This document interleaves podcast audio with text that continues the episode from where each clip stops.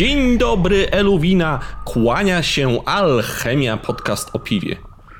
Czy wiecie, że od dziś będziecie się spotykali z podcasterami po czterdziestce?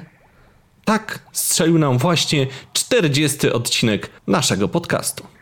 Czego się możecie spodziewać? Zapytacie. Odpowiadam: jeszcze więcej suchych żartów, jeszcze więcej nudziarstwa i jeszcze więcej złotych myśli i dobrych rad. A w tym odcinku, na początek jak zwykle, sprawa dla alchemii, następnie wywiad, tym razem zrobił go Mateusz Puślecki z Marcinem Szawłowskim ze stanu umysłu, sklepu i galerii z dobrym piwem. A w trzeciej części laboratorium, jak zwykle, Janek i Olek tym razem opowiedzą o schematach fermentacji. Ja nazywam się Przemek Iwanek i zapraszam Was do wysłuchania 40 odcinka Alchemii podcastu o piwie.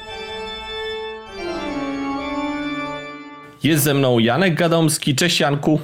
Siema. Jest też Mateusz Puślecki, cześć Mateuszu. Cześć Przemysławie, cześć Janku. I jedziemy ze sprawą dla alchemii. Kto by tym razem zaczął? Może ty Mateuszu. Chciałem poruszyć temat craftu w marketach. Coraz chyba bardziej popularny, spotykany w różnych e, sieciach. Pytanie, czy to fajnie, czy nie fajnie? Jedno pytanie, a drugie ze strony browarów, czy warto, czy nie warto? I co niesie ze sobą taki krok wejścia do marketu? Zainspirował mnie trochę kilka wydarzeń, które ostatnio e, miałem. Przy okazji zbierania piw na Mistrzostwa Polskich Piwar Domowych, piw kalibracyjnych, trochę pojeździłem po warszawskich sklepach specjalistycznych, no i gdy szukałem konkretnego piwa z konkretnego browaru, E, usłyszałem e, kilkukrotnie informację, a wiesz, no tego akurat piwa czy tego browaru nie mamy, bo on jest w marketach. E, zresztą podobną informację sprzedał tobie Przemku jakiś czas temu Chmielobrody, jak jeszcze prowadził sklep, że on stara się piw, które są w marketach nie wprowadzać do swojego sklepu specjalistycznego. Ostatnio też na spotkaniu Wszyscy wiemy, jak to się skończyło. Ostatni, na ostatnim wirtualnym spotkaniu mazowieckiego oddziału PSPD był gościem Tomek Szuc z Browaru Gdynia, z tego bardzo fajnego blogu, którego polecam. I właśnie opowiadał, że on w pewnym momencie prowadząc browar Baba Jaga mm, razem ze wspólnikami zadali sobie pytanie, czy chcą robić kraft, czy chcą zarabiać. No i postanowili pójść tą ścieżką zarabiania, czyli pójścia do, do marketów. To dalej historii nie będę kontynuował, ale chciałem was zapytać o zdanie. Wiesz co, czy to fajnie, czy nie fajnie, ciężko jest mi powiedzieć, dlatego że ja nie kupuję piwa prawie w ogóle. E, a jak kupuję, to, przy, to w White Whale'u przy okazji dostarczania beczki. Bo nie pijesz piwa. E, ja piję piwo, natomiast piję swoje piwo domowe, dlatego że mam pół piwnicy piwa i po prostu e, rzadko kupuję albo piję piwo na festiwalach, tak? Więc ja nie jestem konsumentem piwa, tak na dobrą sprawę, więc ciężko jest mi powiedzieć, czy to fajnie. Pewnie fajnie, że możesz pójść robiąc zakupy w jakimś dużym hipermarkecie, kupić sobie piwo do domu z jakiejś regularnej oferty i to jest pewnie fajne. E, natomiast na drugie pytanie twoje też nie do końca potrafię odpowiedzieć, bo nie wiem jakie są warunki współpracy z sieciami. Czy browar boli to, że jakiegoś konkretnego piwa nie będzie w sklepie specjalistycznym? Myślę, że nie, dlatego że sprzedadzą tego piwa tyle do sieci, że jakąś specjalną serię albo jakieś bardziej wykręcone piwa będą i tak tylko w, w sklepach specjalistycznych. Więc generalnie wydaje mi się, że tutaj pojawia się problem w pewnym momencie jesteś za duży, żeby sprzedawać piwo tylko i wyłącznie do um, sklepów specjalistycznych. Potrzebujesz dodatkowego kanału dystrybucji, bo jeżeli weźmiesz pod uwagę, nie wiem, taką pintę albo alebrowar albo cokolwiek innego, co jest duże, e, jak na warunki kraftu, to po prostu tego piwa nie ma gdzie sprzedać. Nie ma tylu miejsc, żebyś był w stanie całą produkcję tam, tam umieścić, więc jest to naturalny krok i chyba nieunikniony, żeby większe browary, jeżeli rośniesz do pewnego poziomu, to po prostu musisz sprzedawać do sieci, bo po prostu nie jesteś w stanie tego upchnąć.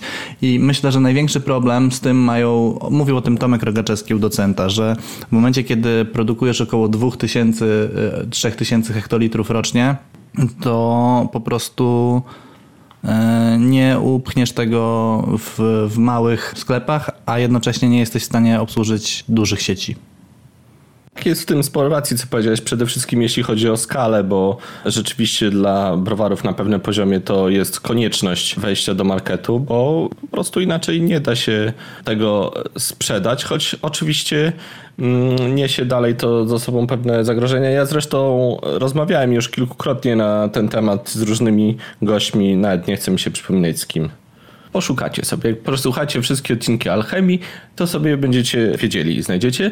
W każdym razie można z punktu widzenia producenta wyznaczyć pewne plusy i minusy.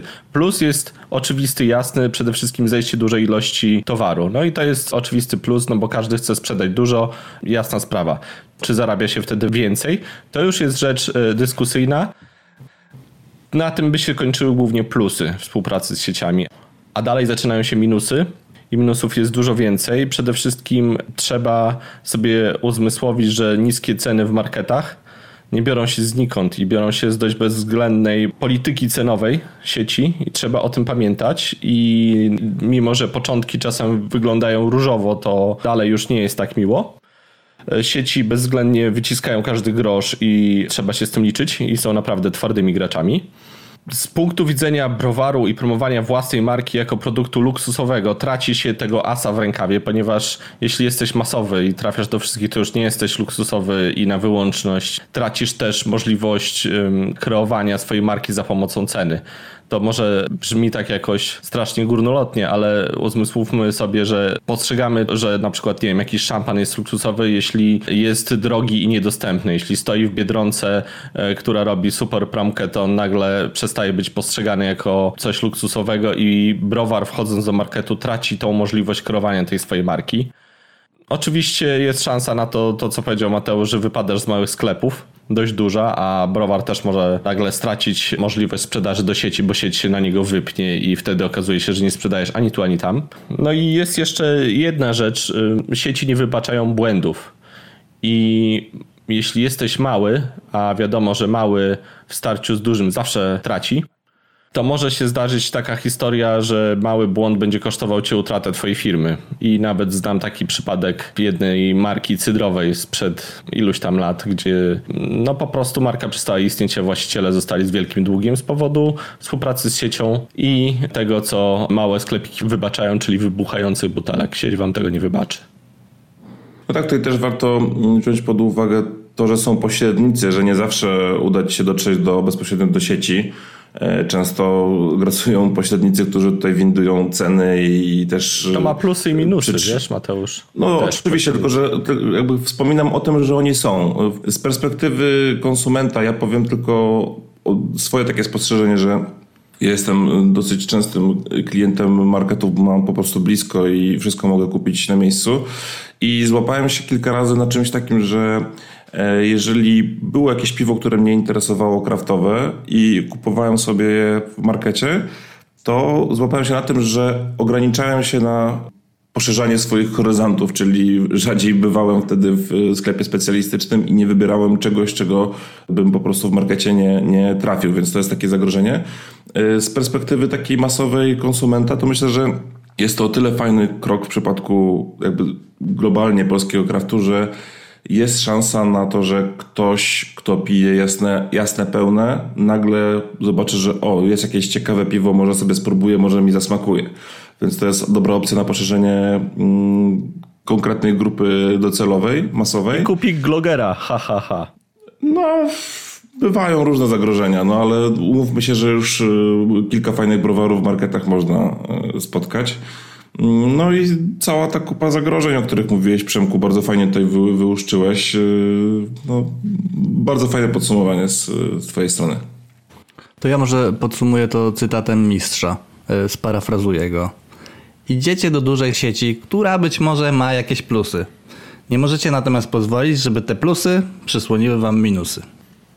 Pięknie to było. Pomyślałem, że mm, temat pandemii i, i rynku podczas pandemii został wyczerpany, a, potem się zorientowałem, że nagraliśmy tylko jeden odcinek. Więc w sumie żeśmy nic o tym nie mówili. Bo była pandemia i nie mogliśmy nagrać więcej. Tak. Więc mam taki, mm, taki pomysł na psychologiczne podejście do tematu. Nie wiem, czy wiecie, jest taka teoria o pięciu etapach e, żałoby. Te pięć etapów to jest e, zaprzeczenie, gniew, później są negocjacje, później jest depresja i na koniec jest akceptacja. I teraz moje pytanie do Was brzmi, jak myślicie, na którym etapie żałoby jest obecnie rynek e, piwa rzemieślniczego w Polsce? Ojej. No, zdecydowanie na negocjacjach. Na negocjacjach, ale dlaczego uważasz, że na negocjacjach? E, Wiesz co, bo wydaje mi się, że trochę się mm, pomimo wszystko, przynajmniej sklepy specjalistyczne tej całej sytuacji odnalazły.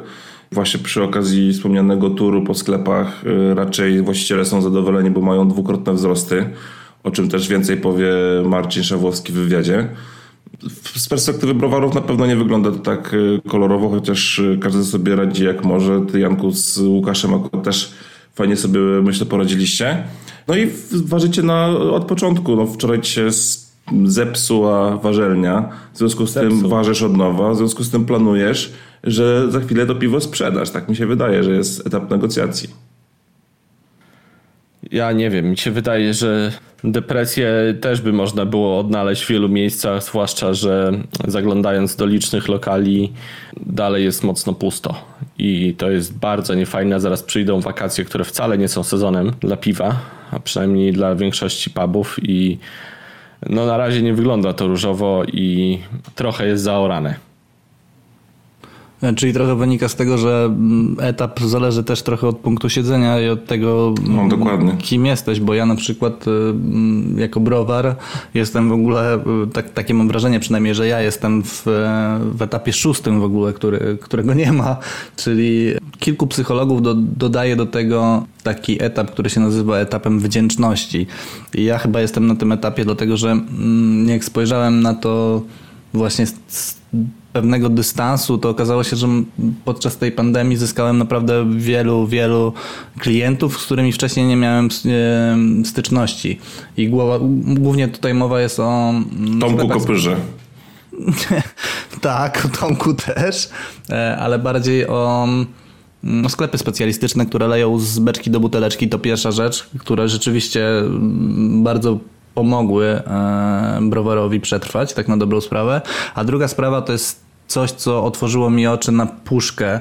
E, Jak wielki był odzew w momencie, kiedy, mm, kiedy pokazaliśmy na Facebooku, że będziemy wysyłać puszki do klienta końcowego. Jakby to, to, to nigdy nie miało mieć. e, mm, Nigdy nie miało pójść do sklepów, natomiast te sklepy i tak się odzywały i naprawdę odebrałem masę telefonów, masę wiadomości na Facebooku i to trochę mi pokazało, że, że marka jako browar e, jest dużo mocniejsza niż ja myślałem.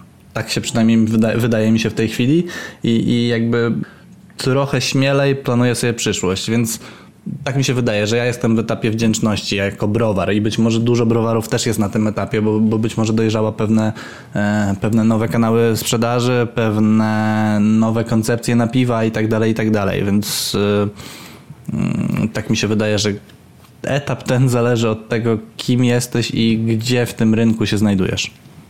Janek Strong. Ale bardzo fajnie, że otworzyły ci się oczy na puszkę i fajnie, że rynek zdaje się już dużo bardziej to akceptować niż jeszcze, nie wiem, na przykład rok temu, jak zaczęliśmy gadać o tych puszkach, nie? Tak mi się wydaje. Także bardzo spoko, natomiast możemy w ten sposób gładko przejść do kolejnego tematu, czyli dlaczego na przykład ja nie mam puszek. A wynika to między innymi z ustawy o wychowaniu w trzeźwości, o e, jak wygląda prawo alkoholowe, o tym, że na cydry trzeba mieć banderole, które są jakąś straszną głupotą i która powoduje, że właśnie nie mogę mieć puszek w tym momencie. A bardzo bym chciał na przykład przejść na butelki i puszki, a w tym momencie tego nie mogę. A wszystko to się wzięło od tematu politycznego, który nagle wystrzelił e, na wszystkich forach piwnych. Nie wiem, czy zauważyliście. Teraz także wszystkie strony piwne się zaczerwieniły od, od polityki. Oczywiście dlatego, że idą wybory. Natomiast ja uważam, że to bardzo niedobrze. I chciałem wam taką opowiedzieć historię taką.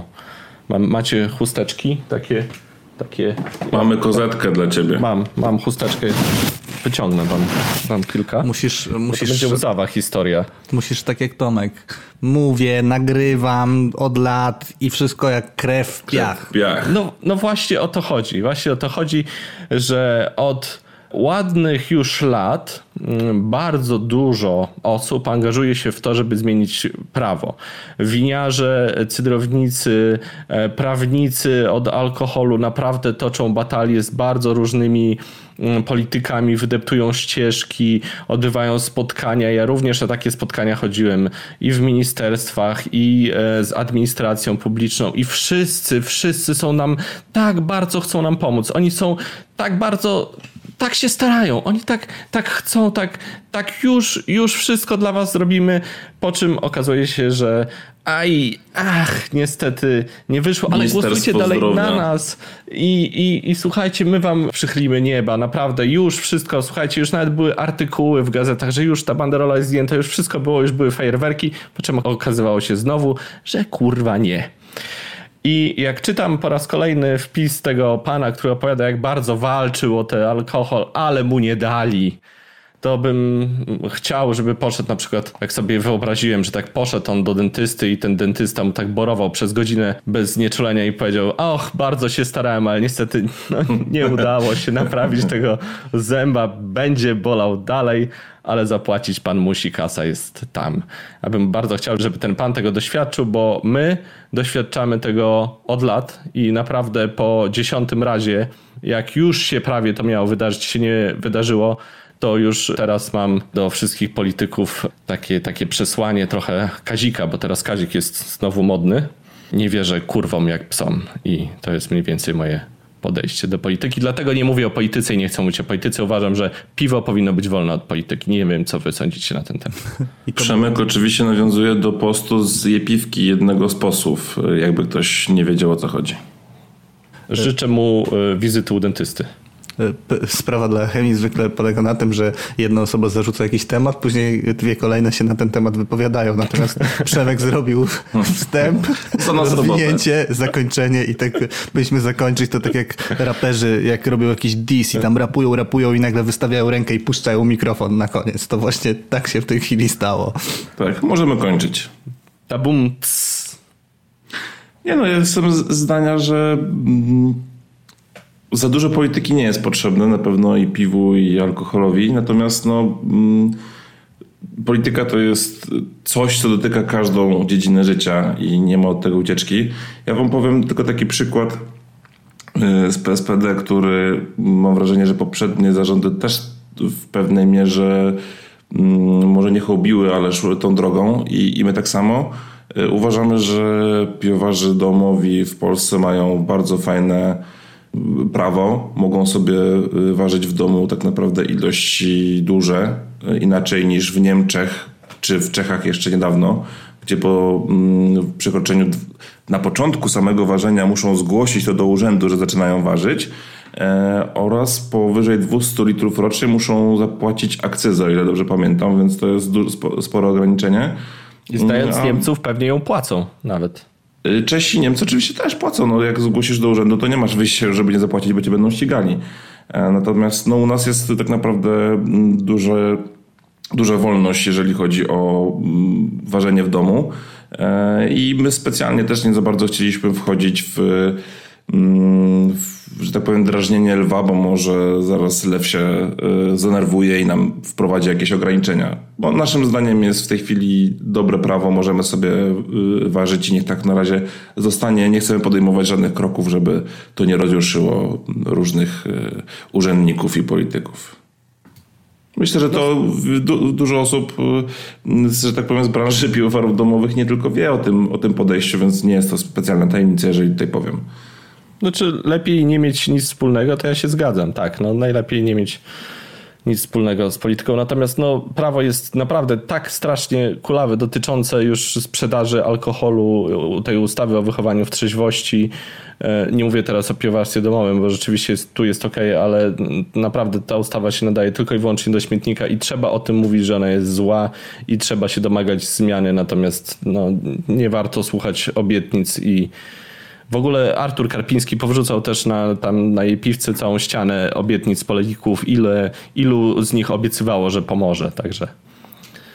A, nie warto się Czyli- tym zajmować. Czyli nie mówimy o polityce, ale mówimy o polityce. No właśnie, chciałbym to już skończyć, już, już powiedziałem, To- co sądzę i nie ja- chcę więcej na ten temat gadać. Ja, ja nie będę się wypowiadał na ten temat, bo, bo niewiele o nim wiem, ale y, jako, że już był jeden cytat i drugi później Przemek przytoczył, to ja też spróbuję zamknąć tą e, sprawę dla chemii e, też cytatem. On będzie trochę dłuższy e, i często w internecie albo właściwie w radio są takie quizy, gdzie mm, prowadzący program czyta tekst piosenki, ale czyta to w taki ym, normalny sposób, tak? I ja jako, że nie umiem śpiewać, to też go przeczytam w taki sposób. Natomiast e, myślę, że większość e, zna ten kawałek i będzie wiedziała, e, kto to jest. On, ten cytat będzie miał cztery wersy i może zamkniemy sprawę po tym cytacie. Janku, czy ty sobie zapisujesz i przygotowujesz cytaty? Nie, nie, nie, to teraz mi wpadło podczas nagrywania. Uff. On jest erudytą. Z głowy leci. To, to uwaga. Mamy ekstra rząd i super prezydenta. Ci wszyscy ludzie to wspaniali fachowcy. Ufam im i wiem, że wybrałem swoją przyszłość. Za rękę poprowadzą mnie do Europy.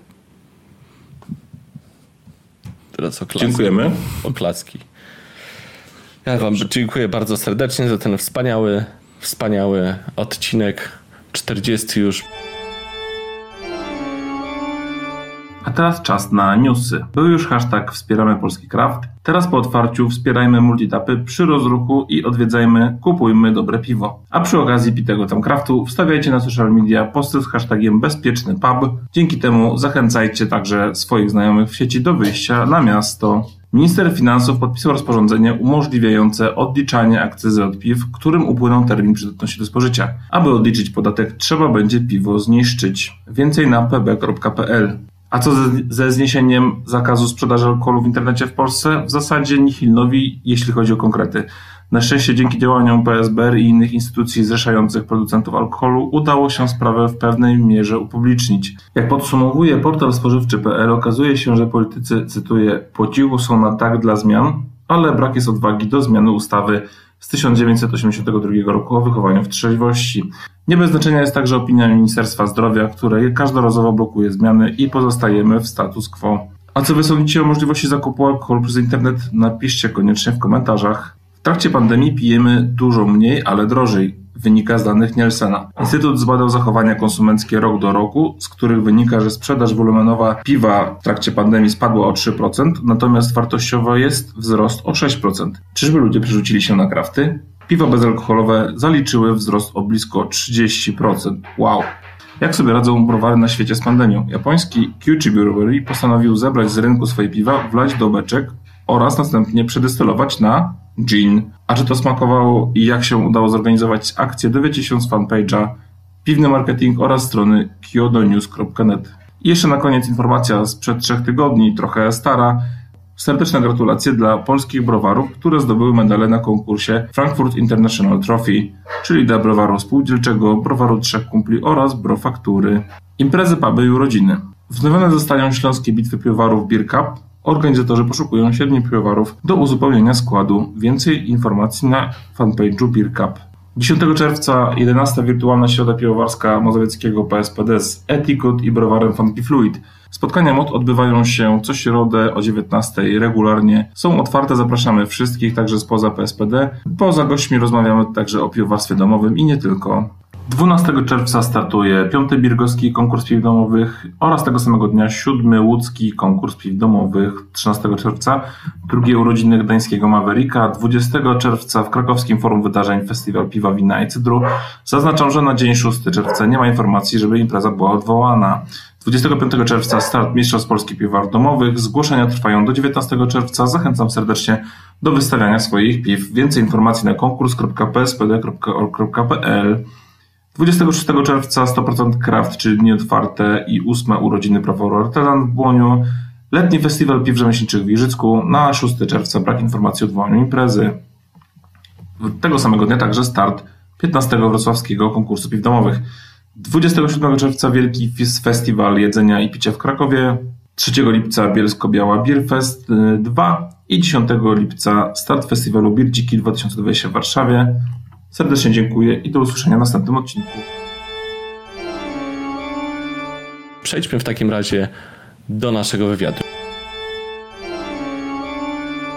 Cześć kochani, witam was serdecznie z warszawskich Bielan. Jestem u Marcina Szawłowskiego w sklepie i galerii z piwem Stan Umysłu na ulicy Marcinie. Cześć, y, Szregera 83. To jest centrum e, warszawskich Bielan, stare Bielany, bardzo fajne otoczenie, budynki pamiętające chyba początek XX wieku, niezniszczone przez wojnę, można się przejść nawet na spacer, a mieszkać to jest w ogóle moje marzenie, żeby tutaj w okolicy mieszkać, a tym bardziej, że jest taka ciekawa lokalizacja jak twój sklep. Powiedz właśnie, czym jest stan umysłu? Na początku może powiem o, o nazwie. Jakby nie chcieliśmy iść takim torem, jak większość idzie, czyli nazywać sklepu od nazwy piwa, piwny, piwna, coś takiego, tylko y, chcieliśmy jakby się wyróżnić na rynku, więc y, stąd stan umysłu, a budynek, y, w którym była pierwsza lokalizacja, miał zabytkowy neon w kształcie litery U i jakby chcieliśmy nawiązać nazwą do tego, do tego neonu, którego, który zresztą jest tutaj w tej nowej lokalizacji,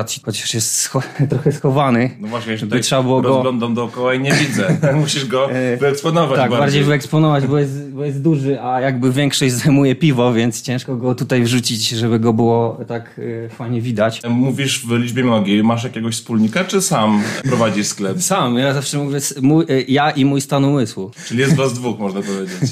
Pomaga mi czasami kolega, kolega Paweł, ale no to są tylko sytuacje przy dużych imprezach, typu jak urodziny sklepu. Paweł ale tak to raczej sam, tak, Paweł Wojciechowski. Piłowar domowy, znany nam. Tak, Wawrzyszew Bru. Pozdrawiamy. Powiedz właśnie o pierwszej lokalizacji, bo ona znajdowała się w budynku, który już teraz nie istnieje, na skrzyżowaniu ulic Żeromskiego i Perzyńskiego. Sklep funkcjonował od y, 24 stycznia dokładnie 2015. Wtedy było otwarcie tego sklepu. E, Zaczęliśmy przygotowywać tak naprawdę już y, pod koniec października to miejsce.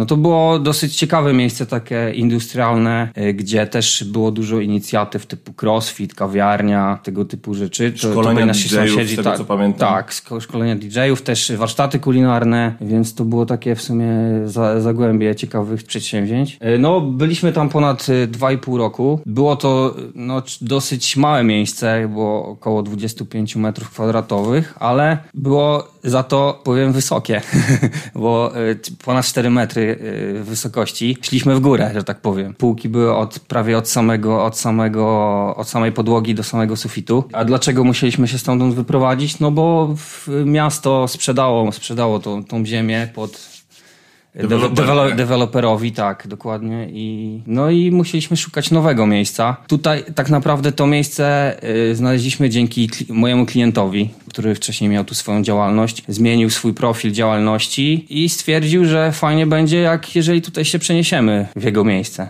A powiedz w takim razie, czy y, jak zmieniłeś lokalizację, czy klienci poszli za nową lokalizacją, czy powtarzają się, czy część zrezygnowała w ogóle z No, zakupów u ciebie? Y, Duża część przeszła, no bo to jest bliska lokalizacja. Tak naprawdę to jest 10 minut na pieszo od starej lokalizacji, więc część klientów myślę, że od, odeszła, no, która, która jest leniwa i nie chce, nie chce jej się, nie chce jej się jakby przejść y, tego tak naprawdę kawałka drogi. Ale myślę, że większość, większość przeszła, no i też doszło dużo, dużo nowych. No bo na początku, jak ja przynajmniej byłem twoim klientem, a też y, wtedy mniej więcej się wprowadziłem na Bielany, to byłeś, wy byliście, można tak powiedzieć, jedynym miejscem, jeżeli chodzi o sklep specjalistyczny z piwem. Był jeszcze supermarket, w którym można było znaleźć jakieś piwa rzemieślnicze i polskie i zagraniczne, ale to chyba tylko tyle.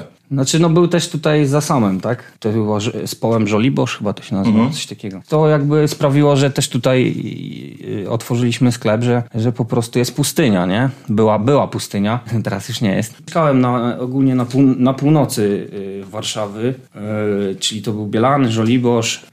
Y, Dlatego też na no swoich koszulkach masz e, podpis, że stan umysłu to Bielany i Żoliborz. No ale to też jakby nawiązuje do historii, tak? No, że kiedyś tutaj był Żoliborz tak naprawdę, Tak. że to była jedna z dzielnic Żoliborza. Y, Często, y, mimo to, że są tutaj już na, na Bielanach, często mówią, że są na Żoliborzu. No. Bo kiedyś faktycznie dla, dla osób może, które nie wiedzą, Żoliborz to była taka duża dzielnica, która właśnie obejmowała dziś, dzisiejszy mały Żoliborz i całe Bielany, które są dosyć sporą dzielnicą. Później chyba w latach 70. podzielono, ale właśnie właśnie bardzo dużo, zwłaszcza starszych mieszkańców Warszawy, mówi właśnie na Bielany często żoliborz. No tak, takie powstało hasło, że stan umysłu, Bie- Bielany i żoliborz to stan umysłu. Powiedz o sklepie jeszcze. Jaki masz asortyment? Głównie to jest rzemiosło, też są piwa regionalne, ogólnie rzecz biorąc piwo. Ale polskie czy zagraniczne Znaczy, też masz? znaczy zagranicznych ma, mamy też, ale jakby celujemy głównie w, w polskie piwa, e, wspieramy jakby polski kraft.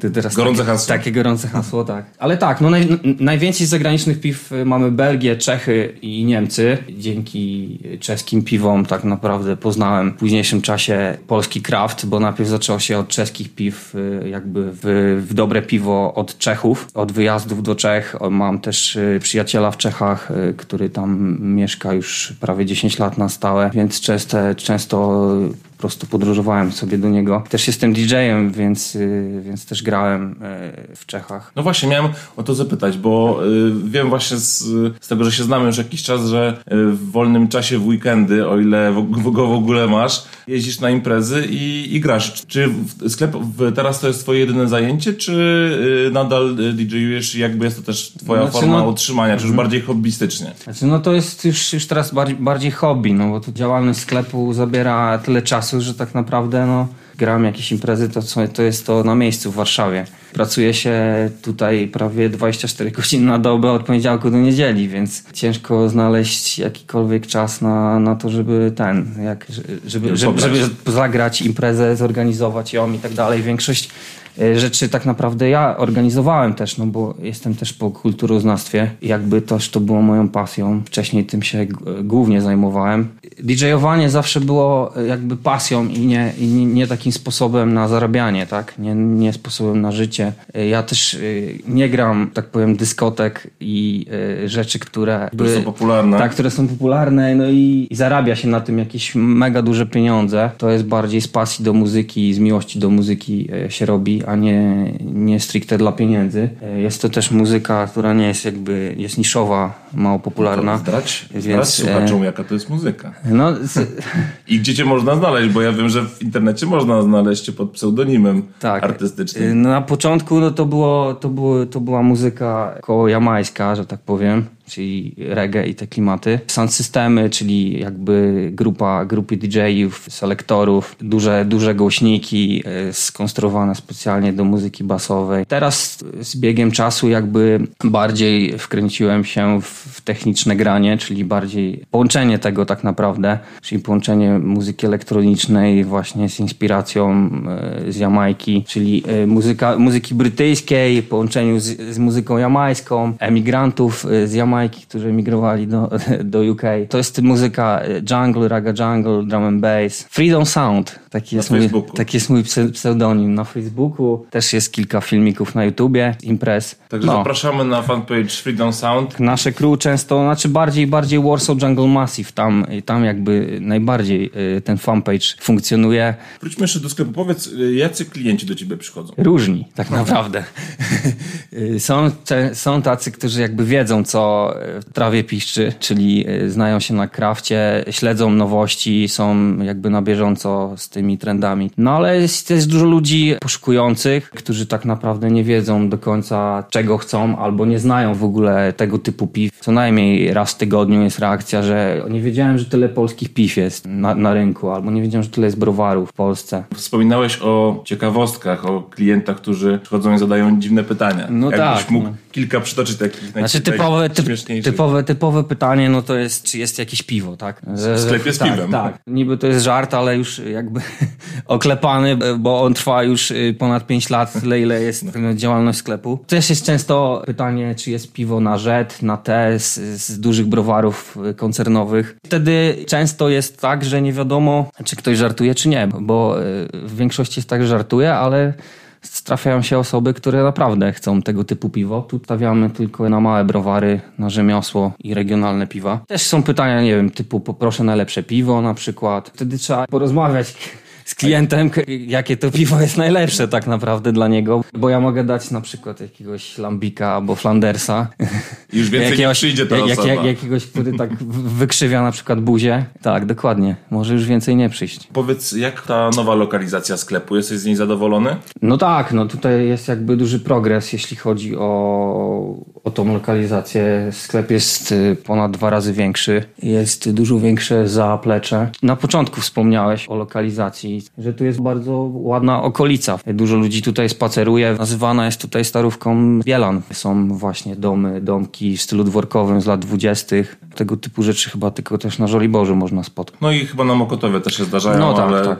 jest to rzadkość, jeżeli chodzi o Warszawę. Powiedz mi, miałeś na przykład problemów y, z mm, osobą, która wynajmuje ci ten lokal? No bo bywa różnie. Czasami taki biznes prowadzi się łatwo, a czasami mimo tego, że wynajmujesz od kogoś lokal, to ta osoba, która ci wynajmuje, Mhm. robi jakieś problemy. No akurat y, tutaj bardzo dobrze trafiłem. Zostałem też lokal z polecenia, więc osoba y, wcześniej rozmawiała najpierw, sama z właścicielami. Y, Zresztą właściciele byli jeszcze w starej lokalizacji u mnie, więc wiedzieli, y, co to jest za biznes i o co w tym chodzi. Poza tym no, są, są młodzi, otwarci. Wszystko jest jak najbardziej w porządku.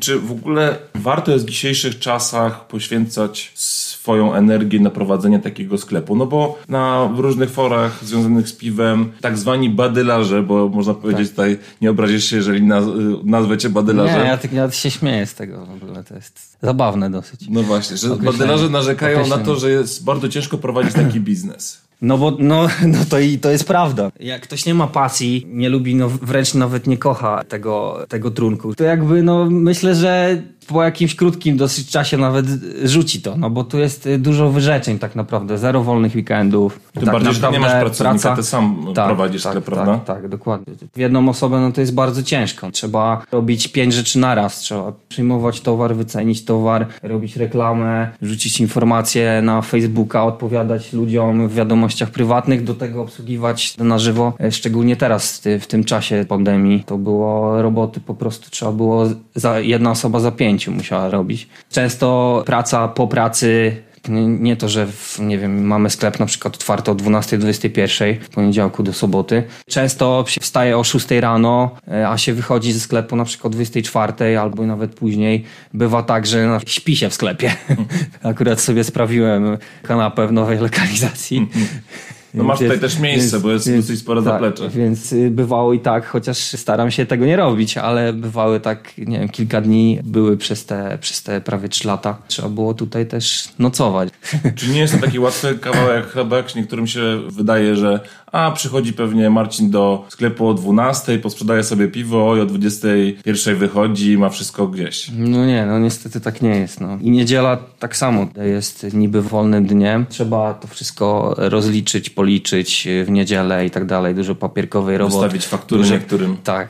upierdliwym klientom. Du, du, dużo papierkowej roboty jest tak naprawdę, więc tak naprawdę niedziela też, w niedzielę mamy za, zamknięte, ale pół niedzieli i tak jest pracy.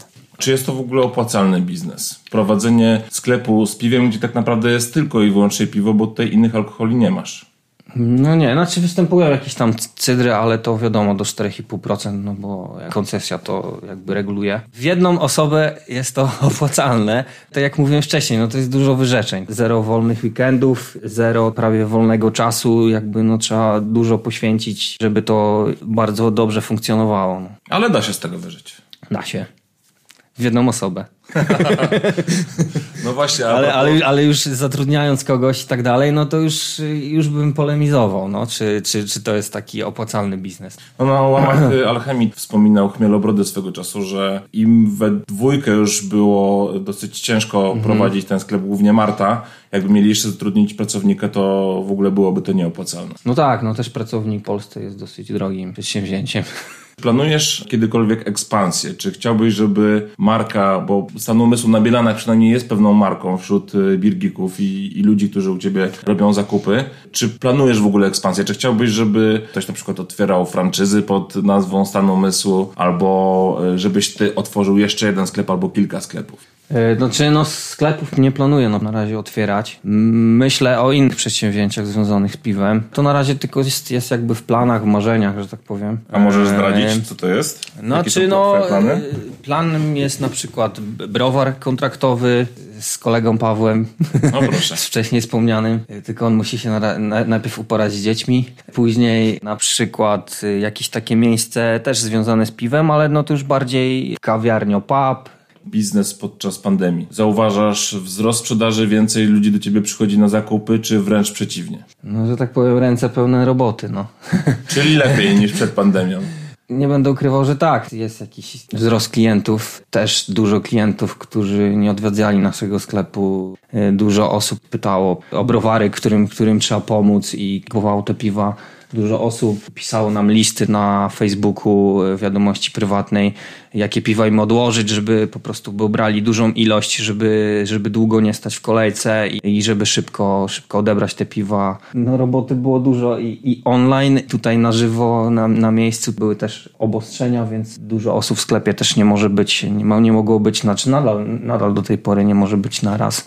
Tak, nawet ostatnio byłem świadkiem, jak Marcin wyprosił dwie osoby, bo już było o jedną osobę za dużo. Często, często też w weekendy kolejki kilometrowe nawet się Ale zdarzały. cierpliwie czekają Nawet się zdarzały, tak. Czy no nie wszyscy, niektórzy rezygnują jak widzą taką dużą kolejkę, no ale tutaj nie za bardzo jest gdzie pójść indziej, więc, No tak. więc dużo osób czeka, tak? Poszerzyłeś swój asortyment o nalewaki. Tak. Przyjaciele jakby z, znajomi koledzy z Funky Fluid, z którymi jeszcze się znamy długo, długo wcześniej, jak działali w innych branżach. Znaczy w branżach to nie, bardziej w innych. Inny, na przykład Michał jeszcze miał Langerbier, który zresztą e, uwa- naważyliśmy z nim piwo na otwarcie w 2018-2017 roku. Na otwarcie sklepu e, tutaj w Nowej nowej lokalizacji. lokalizacji, tak, wspólnie.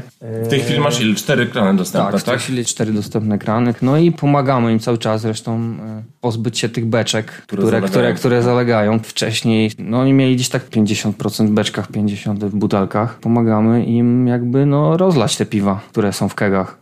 Często sięgają klienci po te piwa nalewane do plastiku. Ja się też broniłem rękami i nogami przed tym, bo jakby no jestem sam i pracy jest naprawdę dużo, a jeszcze jak doszły teraz nalewaki, no to jest jeszcze, jeszcze więcej tej pracy.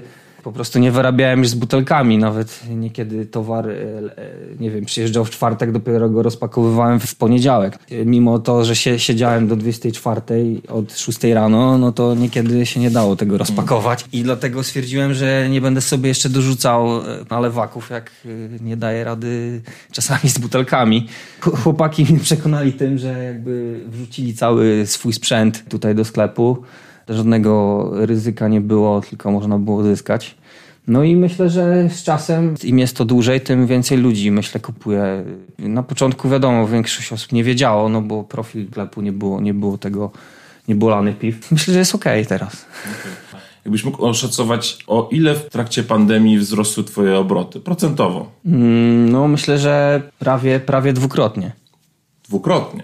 No to poważnie. Poważne liczby. W tej sytuacji można powiedzieć, że twój biznes się sprawdził, no bo wszystkie inne miejsca były, czy knajpy były zamknięte, więc ludzie przychodzili do ciebie. No tak, no jakby no, była pustka, więc wszystko jakby spadło na sklepy. Nie można było nigdzie nabyć piwa rzemieślniczego tylko w sklepach specjalistycznych. To jest duża przestrzeń. Ludzie też nie są aż tak mocno stłamszeni w środku sklepu. E, Tutaj tak naprawdę wcześniej można było, były przybywać trzy osoby. No, Jeżeli trzy osoby sobie tutaj wejdą do sklepu, y, jak oczywiście nie stoi masa kartonów na sklepie i wszystko jest włożone, no to myślę, że swobodnie mogą się czuć i mają duży dystans od siebie. To sprawiało, że aż tak chyba ludzie się nie bali przychodzić do sklepu. Jesteś też odpowiedzialny za dwie piwne imprezy, które w Warszawie powstały, czyli za warszawski Kraft. Czym jest warszawski kraft i skąd pomysł na takie imprezy? Pomysł jest z miłości do piwa i z miłości do muzyki. Warszawski Kraft to jest tak naprawdę spotkanie zaprzyjaźnionych browarów. W początku to były cztery, później było sześć w drugiej edycji. Czy to było karuzela, funky fluid? Tak, Karuzera, Funky Fluid, znaczy no, na początku Greenhead i, i, i, i czwarty. Później wiem, że był Monsters, Janek też uczestniczył. tak, później był Monster Mermaid Brewing, a, A, no i no Palatum, właśnie. Palatum. I Palatum. Niektóre to są inicjaty- inicjatywy kontraktowe, niektóre to są prawdziwe browary, czyli fizyczne. No ale wszyscy jakby są z Warszawy, no wszyscy mieszkają w Warszawie, a pochodzą z Warszawy. Każdy z browarów musiał uważać na tą imprezę specjalne piwo. Nie to, że tylko piwa regularne, tylko żeby jakby zachęcić do przyjścia też na imprezę piwoszy. No były na przykład, jeżeli były cztery browary, no to były co najmniej cztery... Piwoszy. Boże, jak to już brzmi. Nie, ja się śmieję, Nie że... wszyscy, nie wszyscy siedzą w krafcie. Ja się śmieję dlatego, że y, mam wrażenie, że w społeczeństwie słowo piwosz y, to, to jest taki gru, gruby pan przed A, tak. telewizorem w kapciach. Tak. Impreza, no każdy przygotowywał swoje piwo, było, była okazja Tak, no czyli było co, co, najmniej, co najmniej cztery premiery, więc no, no i do tego DJ-e, którzy umieli czas, w, głównie, w, głównie w tle, no bo to nie, nie, głównie to miała być impreza, impreza piwna, żeby rozmaicić to tak, żeby nie było e, tak sztampowo jak, jak zawsze, że po prostu przychodzimy tylko i wyłącznie na premierę piwną, żeby też się jakby coś działo, nie? Od, od strony muzycznej. Czyli trochę taka gra do kotleta. No, Do, ani, do anima- Znaczy, no, no niekoniecznie, bo na przykład na pierwszej imprezie no, bardzo fajnie to wyszło i był parkiet i, i też były tańce, e, nawet do rana, bo e, ja wyszedłem z imprezy po piątej rano. Pierwsza impreza była w Kuflej Kapsle Żoliborz. Druga w detapsie. W detapsie, tak. No pierwsza była właśnie w okresie ciepłym i, i tak dalej, no druga już była w środku. Planujesz kolejną edycję? No myślę, że myślę, że się odbędzie kolejna edycja. No zobaczymy, czy będzie można i kiedy będzie można zrobić. A co byś polecił osobom, które prowadzą swój sklep z piwem rzemieślniczym, a na przykład nie do końca sobie radzą, nie do końca to czują, albo tym, które planują na przykład otworzyć swój sklep z piwem? Po pierwsze, no to trzeba się tym interesować na bieżąco, czyli śledzić trendy, śledzić nowości. Po drugie, ekspozycja tych piw. Y, My na przykład mamy bardzo wyraźne ceny y, na tych piwach. Więc y, ludzie widzą nie cenówki, jak nie wiem, czy większość, czy nie większość, ale część na pewno sklepów ma cenówki, my mamy zawieszki. Chociaż no wiadomo, są wszystkiego plusy i minusy, bo często trzeba tego pilnować. Ludzie często je, je zrzucają, ściągają. Właśnie miałem I- powiedzieć, I tak że- dalej, no ale są wszystkiego plusy i minusy, ale, ale za to jakby no jest przejrzystość, jest, też jest, są ważne lodówki, oświetlenie. Temperatura, rzeczy. o którą też tak, dbasz. Tak, tem- no to jest akurat kamienica, więc tak naprawdę tu jest chłodno cały czas. O tych zawieszkach właśnie miałem po powiedzieć, że No i- nieraz zebrałem opierdziel od Marcina, że kurde, z, z, to bierz butelki od tyłu albo tam z dołu, a nie mi tutaj No zawieszki. ja tam upierdziel od razu. Nie no, trzeba, jak się raz, dwa razy klientowi powie, to wtedy już nie będzie ściągał. Dokładnie. No i myślę, że co? Lokalizacja jest przede wszystkim. Podobno są trzy, trzy najważniejsze rzeczy, jeśli chodzi o sklep. Lokalizacja, lokalizacja i lokalizacja. I oczywiście jakaś forma reklamy. Czy poza Facebookiem prowadzisz jakieś inne formy promocji? Na początku tak. Nawiązaliśmy współpracę z różnymi kawiarniami, żeby jakby na, nawzajem się promować. W tym momencie no to jest głównie internet, czyli Facebook, Instagram, Twitter. Na Twitterze też? Tak, Tweetujesz? tak. O, proszę, będę musiał sprawdzić. Czy nie myślałeś, żeby poszerzyć asortyment o wyższe alkohole, o wino, whisky, wódkę, bo dla niektórych sprzedawców to jest jakiś, jakaś forma często utrzymania się, że jest ten alkohol bardzo mocno wymieszany, a nie tylko piwo rzemieślnicze. Nie myślałem. Nie, no, no, jakoś- dobrze idzie, że nie nie- było takiej potrzeby. Stan umysłu ma być kojarzony z piwem. To jest moją pasją też przy okazji piwo, więc jakby no chcę jakby tym się dzielić z innymi. Y, Nie wiem, czy do końca bym czuł, nie wiem, sprzedaż na przykład typu wina i whisky i tego typu rzeczy. Czy byłeś w takiej sytuacji, że na przykład zastanawiałeś się, czy jak długo sklep y, będziesz mógł prowadzić, że na przykład był jakiś gorszy miesiąc, nie zastanawiałeś się nigdy nad tym, czy nie rozszerzyć y, asortymentu? Były, były doły, nie jest cały czas różowo, nie, nie każdy miesiąc jest super. Są, są słabsze, słabsze dni, słabsze tygodnie, y, słabsze miesiące nawet, ale no y, zastanawiać się zastanawiałem, ale mimo wszystko nie tak przyparło, żeby, żeby móc y, zmieniać na co innego. A czy była taka myśl w ogóle? Tak, żeby rozszerzyć o inne alkohole była też, no, żeby o, o wino, o, o whisky też. Tutaj przychodzi kilka kobiet, które też jakby namawiały mnie, żeby na przykład wino wprowadzić. Głównie chyba wino. Był na Bielanach też sklep taki specjalistyczny, można powiedzieć, z winem, który się, że tak powiem, zawinął z dwa lata temu. I pewnie jest nisza. Czy wy jesteście, jako ty i stan umysłu, chyba jedynym sklepem, który robi urodziny sklepu dwa razy do roku? Powiedz, na, na czym polega ten fenomen, że można dwa razy do roku obchodzić swoje urodziny? No, znaczy tak, na początku robiliśmy, znaczy stwierdziłem, że fajnie, mimo że to jest sklep i wiele osób się dziwiło, że, że urodziny sklepu, nie? że się robi urodziny nie wiem, pubu, że można zrobić imprezę i napić się na miejscu, ale że urodziny sklepu. No ale stwierdziłem, że fajnie raz do roku zrobić taką e, imprezę, że prowadzić rzadko dostępne piwa, dużo piw z zagranicy, trochę żeby inaczej ten dzień wyglądał inaczej niż na co dzień, że jest dużo premier, konkursów, promocji. pierwszej lokalizacji były co roku urodziny, zawsze w styczniu, no bo w styczniu, 24 stycznia otworzył się sklep, więc zawsze w styczniu, przedostatni weekend y, stycznia, więc zawsze się pokrywał Ze świętym porterem tak, ze świętem porteru. W- Robimy urodziny, no i, i Międzynarodowy Dzień Portera Bałtyckiego. Też jest dużo, dużo tego typu piwa u nas wtedy. Jak się przenieśliśmy 5 października 2017 roku tutaj do nowej lokalizacji przy ulicy Szegera, powstał pomysł, żeby w mojej głowie, że też fajnie by było uczcić ten dzień, więc dlatego są urodziny w październiku tego miejsca, Nowego. nowego miejsca, a w styczniu są urodziny całego jakby stanu umysłu, czyli całego pomysłu na sklep.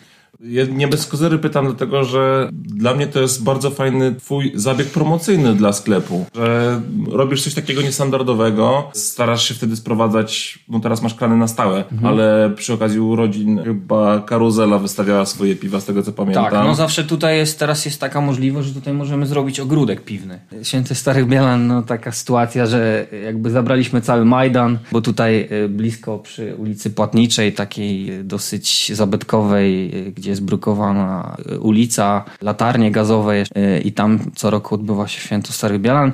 Niestety to było, nie wiem, dwa lata temu. Mieliśmy brać też udział, wzięliśmy dużo swojego piwa, i po czym lunął deszcz i miał padać przez kilka godzin i impreza została odwołana, więc całym tym Majdanem z powrotem, z powrotem, z powrotem musieliśmy się zwinąć y, do sklepu. No i od tego czasu już powiedziałem, że ogólnie jeżeli będę brał tego typu udziałach, no to tu tak naprawdę jest rzut beretem do tej ulicy stąd. Można to zrobić tutaj pod sklepem. To jest taka możliwość. Właściciele są bardzo przychylni i raz do roku wyrażają zgodę, że zresztą sami biorą w niej udział. Tak powstaje taki og- ogródek piwny przed sklepem. Jest tutaj dosyć dużo miejsca. Cieszy się to bardzo dobrym odbiorem. No, no i przy, przy, przy okazji też te imprezy jak promują to miejsce i dużo nowych osób się dowiaduje o tego typu miejscu, że, je, że jest taki sklep. Myślę, że to też przyciąga, e, też to jest forma, mega forma promocji. Przyciągają też dużo osób z innych części dzielnicy, z całej Warszawy tak naprawdę. Warto robić przynajmniej parę razy w roku urodziny. Nie czy róbcie urodzin, inne... tylko my, tylko my robimy. No dokładnie, no tutaj Marcin Sprzedałem, trochę sprzedałem, alkowy. sprzedałem pomysł. Tak, sprzedaje pomysł, ale słuchają nas y, różne osoby, właściciele sklepów, miejsc z piwem, nie tylko. E, dlatego też nie bez kozery cię zapytałem, bo warto po prostu wychodzić naprzeciw w taki sposób, może i standardowy, a może i niestandardowy, promować swój sklep, swoją markę, bo to przynosi jakieś efekty, nawet jeżeli nie konkretnego dnia, to w późniejszym czasie. Dokładnie. No dobrze, Marcinie. Na koniec standardowe pytanie, które Przemek wszystkim naszym gościom zadaje. Czego ci życzyć? Yy, dużo siły, wytrwałości, zdrowia. Myślę, że tego. No dobra, to w takim razie tego Ci życzę i bardzo serdecznie dziękuję za rozmowę i do usłyszenia. Do zobaczenia. Dzięki, do zobaczenia. No i jak ten wywiadzik? Wyszedł Mateuszowi? Jeśli tak, dajcie łapkę w górę.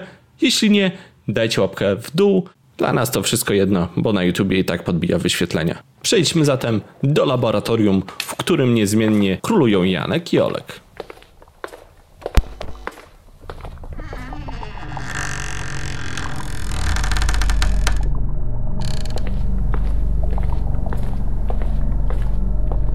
Siemanko, witajcie w 40. już odcinku Laboratorium. Witają Was e, Olek i Janek z Browaru Monsters. Siema. I dzisiaj mm, zrobimy sobie powrót do e, pewnego odcinka, e, tylko od, od innej strony troszeczkę sobie ugryziemy ten odcinek, a mianowicie wrócimy do fermentacji. Myśmy tych odcinków już zrobili kilka o- o fermentacji pod różnymi kątami. Ale chcieliśmy teraz y, ugryźć ten temat bardziej szczegółowo od strony mm, schematów fermentacji, a mianowicie od tego, jak czasowo y, tą fermentację sobie poprowadzić. Czyli y, można nazwać ten odcinek Czy Tomek Kopyra ma rację. Y, Tak, w sumie podejdziemy od tego, od stron, do tego od strony schematycznej, bo oczywistym jest, że najlepszym schematem fermentacji jest po prostu jej obserwacja i, i przelewanie na kolejne etapy albo na cicho, albo do butelek po, w momencie, kiedy ta fermentacja rzeczywiście się skończyła. E, Natomiast ten odcinek też jest trochę skierowany do takich młodych piwowarów, albo znaczy nie, nie młodych, tylko niedoświadczonych piwowarów, którzy zaczynają swoją przygodę i ch- chcą się oprzeć o jakiegoś rodzaju przepis. przepis, czyli żeby ktoś im powiedział, że trzeba fermentować, nie wiem, na przykład 10 dni i dopiero później przelać. Bardzo często się pojawia ten schemat, który jest powtarzany po, po Tomku, do tego Olek powiedział, czy Tomek ma rację, czyli, czyli schemat fermentacji 7 plus 7. Bardzo dużo ludzi się do tego odnosi.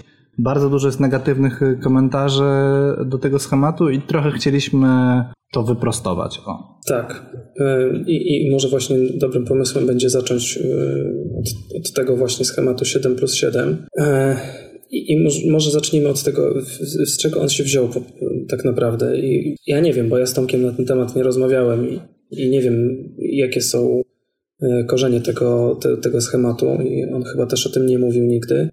Ale jakbym miał zgadywać, to bym powiedział, że chodzi po prostu o to, że Ważą już zwykle dorośli ludzie, którzy czas na ważenie mają w, w weekend i czas mają na to, żeby zajmować się piwem w weekendy. Więc e, wydaje mi się, że to po prostu zostało stworzone po to, że E, w sobotę ważysz, e, za tydzień w sobotę zlewasz na cicho i dwa tygodnie później w sobotę sobie rozlewasz po prostu to piwo do butelek. Tak, myślę, że to może, może być umocowane właśnie w czymś takim, czyli kiedy mam czas, e, żeby zająć się piwem. Może to mieć, mieć też umocowanie, nie wiem, jakiegoś, jakiegoś doświadczenia z browaru. Może Tomek akurat z browaru nie ma za dużego doświadczenia, natomiast zna wiele osób i, i być może bardziej doświadczeni piwowarzy, którzy uważyli więcej warek, bazowali w jakiś sposób na doświadczeniach z browaru, a w browarze fermentacja zwykle trwa około 5 dni, no. Po 7 dniach to już jest dawno, dawno po wszystkim. No i właściwie w domu też często tak jest, nie oszukujmy się. Chyba się zgodzisz z tym.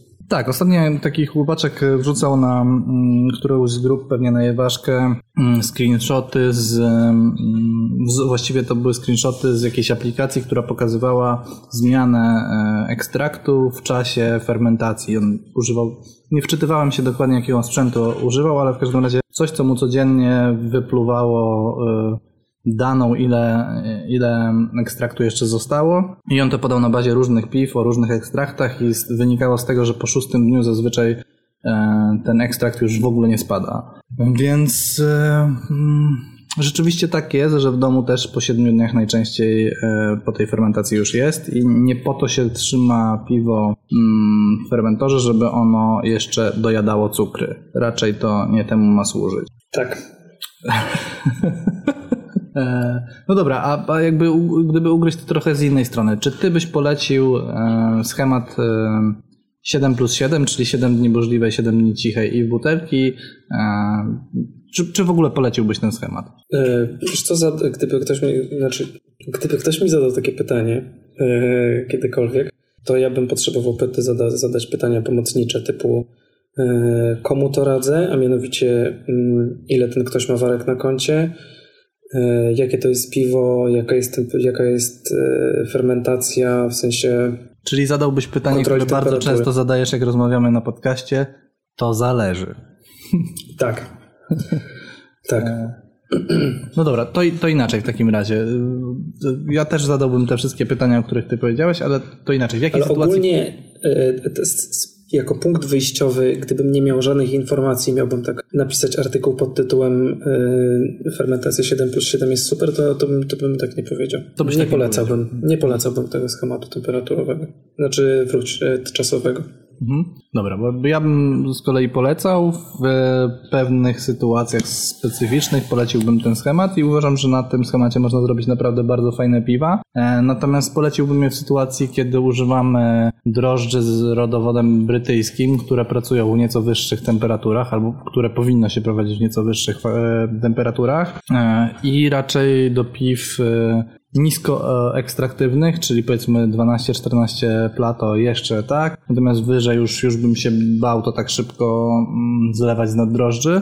I już mówię, dlaczego bym to polecił, dlatego że mm, bardzo szybko można zrobić fajne piwo chmielowe, które jak wiadomo im świeższe, tym lepsze e, i im krócej ono będzie w fermentorze, tym, tym będzie później smaczniejsze w butelce. I uważam, że e, przez 7 dni drożdże brytyjskie prowadzone, dajmy na to od 18 do 23-24 stopni, stopniowo zwiększając temperaturę przez te 7 dni, są w stanie z, właściwie przefermentować brzeczkę przez pierwsze 3-4 dni i przez kolejne 3-4 dojeść wszystko, właściwie posprzątać po sobie wszystkie diacetyle, nie diacetyle. Natomiast komu nie poleciłbym, bo możemy sobie w ogóle przyjąć schemat taki, takiego odcinka, kiedy byśmy polecili dany schemat, e, a kiedy nie i komu e, i w jakiej sytuacji. Więc ja bym nie polecił tego e, schematu piwowarowi, który jest piwowarem początkującym, z tego względu, że bałbym się, że on nie będzie potrafił mm, przyjąć takiego schematu temperaturowego, takiego nie trzymałby reżimu temperaturowego. Chodzi mi o to, że na przykład puściłby drożdże bardzo szybko wysoko, do 24-25 stopni przez pierwszy dzień, one by zjadły większość cukrów i później by temperatura gwałtownie spadła i wtedy bałbym się, że te drożdże długo będą dojadać i po tych siedmiu dniach e, te cukry jeszcze nie będą zjedzone, więc nie poleciłbym zdecydowanie tego schematu początkującym piwowarom. Mhm. Nie wiem, czy się ze mną zgodzisz. Tu pod tym kątem tak. E, mm, pod tymi argumentami za e, chyba bym się nie podpisał. I już mówię dlaczego. To też zakrawa trochę o to, że, mm, że początkujący piwowarzy zwykle, ja po sobie pamiętam i ty na pewno też taki byłeś, początkujący piwowarze są niecierpliwi. To wynika głównie z tego, że nie mają piwa w piwnicy i już by chcieli natychmiast mieć piwko do picia i e, i wraz ze wzrostem ilości piwa w, w, piwnicy czy tam w szafie maleje mm, ta niecierpliwość, rośnie chęć napicia się czegoś dobrego. Ja nie polecam tego, nie polecałbym tego schematu, dlatego że yy, ogólnie uważam, że nie ma się gdzie spieszyć. I yy, lepiej, i po prostu lepiej jest przytrzymać dłużej yy, to piwo w fermentorze niż, niż krócej. W sensie ja bym wolał przytrzymać tydzień za długo piwo w fermentorze niż o jeden dzień za wcześnie je zlać. E, bo po prostu to jest bezpieczniejsze i, i, i, masz większe prawdopodobieństwo, że to piwo nie będzie miało wad odfermentacyjnych. Dobra, generalnie zgadzam się z Tobą. To wszystko, co mówisz, jest oczywiście prawdą i lepiej oczywiście jest prze, przytrzymać piwo do 14 dni na przykład i zaraz sobie powiemy o, o schemacie 14 plus 7 E, natomiast zakładając, że masz 7 dni, musisz przez te 7 dni przefermentować brzeczkę, to pytanie brzmi, czy da się to zrobić? O, bardziej o to mi chodzi. Chodzi mi A, o to w nie, takie no to ogólne, nie, oczywiście, wiesz. oczywiście, że się da to zrobić, tylko chodzi o to, że mi chodzi o to, że, że e, jeżeli nie musisz, to to trochę traci to sens, moim zdaniem. W sensie, to to jest trochę gonienie, to jest trochę takie e, działanie mm, mm, na szybkiego, nie? Że już muszę mieć te piwerko i, i, i, już, już, już, już do butelki, już natychmiast, już, nie? No tak, tak, tak. tak. Wiesz co, bo I... ja trochę piję do tego wyśmiewania, jak ktoś na, na grupie podaje, że nie wiem, że przeczytał, że obejrzał firmy Kopyra i robi e, i że Tomek tam mówi 7 plus 7, to od razu jest, wiesz, wielkie śmiechy, chichy e, na grupę, że w ogóle od razu bez żadnych właśnie pytań pomocniczych jest kasowany gość i, mm. i, wyśmiewany. I trochę mnie to osobiście wkurza i jak mam czas, to, to zawsze staram się wysmażyć takiego dłuższego posta, którym tłumaczę mm, dlaczego ten, dlaczego niekoniecznie musi być to, to zły schemat. I, I o to mi chodzi, żeby nie demonizować tego schematu, bo to nie jest tak, że jeżeli przedajesz po 7 dniach na cicho, a później po 7 dniach za, zabutelkujesz, to od razu będzie piwo wadliwe, albo będzie niesmaczne, albo będzie, nie wiem, niedofermentowane i będą granaty. No, no nie mhm. będzie tak po prostu jeżeli pewne, pewne warunki zostaną spełnione, to to piwo wyjdzie. Znaczy wiesz, z dużym prawdopodobieństwem, jak się trzymasz pewnego e, zakresu e, ekstraktu, e, to piwo po siedmiu dniach na pewno nie da granatów, tak? Znaczy, to, to, w ogóle to, co chciałem powiedzieć, to jest to, że ten schemat ma sens i ma nawet bardzo dużo sensu, pod warunkiem, że wiesz, co robisz. W sensie, że, że masz na tyle doświadczenia, że wiesz, i umiesz ocenić, czy po tych siedmiu dniach, dniach jest po wszystkim, bo na przykład e, często się pojawiają e, też takie posty na tych grupach wszystkich piwowarskich przy okazji takiego pytania o długość fermentacji. Są zdjęcia powierzchni piwa po, po jakimś tam czasie, nie? I na przykład jest powiedziane, że ten jest zdjęcie i widać czapę piany. Jest napisane, że tam są USy, nie? A jak już nabierzesz trochę doświadczenia, to doskonale wiesz, że nawet po 14 dniach będzie e, USy mają to do siebie, te USy 0,5, że, że ta piana się utrzymuje, nie? Mimo, że już fermentacja się dawno temu skończyła. Tylko one po prostu lubią pływać sobie po powierzchni. No I, tak, i, o to tak. wszystko się rozchodzi, że po prostu musisz wiedzieć, co robisz. Musisz zdawać sobie z konsekwencji, sprawę z konsekwencji i musisz umieć mm, ratować jeżeli coś pójdzie nie tak, to musisz umieć sobie z tym poradzić. O, w ten sposób. Dobra, czyli y, y, spróbuję to zebrać do kupy i No. zamknąć temat y, 7 plus 7, czyli y, schemat 7 plus 7 jest, y, y, ten schemat fermentacji jest skierowany do e, piwowara, który świadomie podejmuje kroki w fermentacji, czyli wie kiedy podwyższyć temperaturę, potrafi ją obserwować i, i, i jest w stanie po tych 7 dniach stwierdzić, czy ta fermentacja się zakończyła i muszą być spełnione pewne warunki, jeżeli to się ma udać w takim czasie. Po pierwsze musi to być e, piwo niskoekstraktywne, powiedzmy do 14 plato, nie wiem czy się ze mną zgodzisz, do 14? Ja bym powiedział do 16 nawet, ale, ale Nawet do 14 16, też jest okej. okej. Powiedzmy do 14 do 16 plato. Po drugie, musi być to ciepła fermentacja, która jest w miarę e, możliwości prowadzona ku górze, czyli zaczynamy z niższej temperatury, kończymy na wyższej. To się tyczy właściwie wszystkich schematów, natomiast powiedzmy, że wydłużenie burzliwej może nam w pewien sposób naprawić błąd tego spadku fermentacji, spadku e, temperatury e, w pewnym momencie. Musi, muszą, musimy mieć zdrowe drożdże, które podejmą pracę szybko, bo to też jest ważne. Jeżeli mm, zostały wrzucone, nie wiem, suchary bez rehydratacji, które wystartowały po 48 albo po 72 godzinach, no to wiadomo, że, e, że ten czas 7 nam nie się... będzie do końca wszystko zrobione. nie? No właśnie. Więc mamy zdrowe drożdże i mamy dobrze napowietrzoną brzeczkę. Myślę, że wtedy można zrobić naprawdę dobre piwo w tym schemacie. E, Ja tylko na poparcie tej tezy powiem, że e, kiedyś na pomorskim e, konkursie wygrałem kategorię, która się nazywała Brown Ale. I to było piwo, które przefermentowałem 5 dni na burzliwej, przelałem później je na cichą i przez kolejnych 7 dni ono sobie no, leżało na cichej właściwie już po fermentacji, zdążyło się wyklarować przez te 7 dni. Ja je zapakowałem w butelki i konkurs był od zapakowania butelek po 4 dniach, czyli ono refermentowało w drodze do, na konkurs jeszcze. I później wygrało swoją kategorię. Natomiast no, były spełnione wszystkie te, wszystkie te warunki, o których powiedziałem wcześniej, więc, e, więc da się.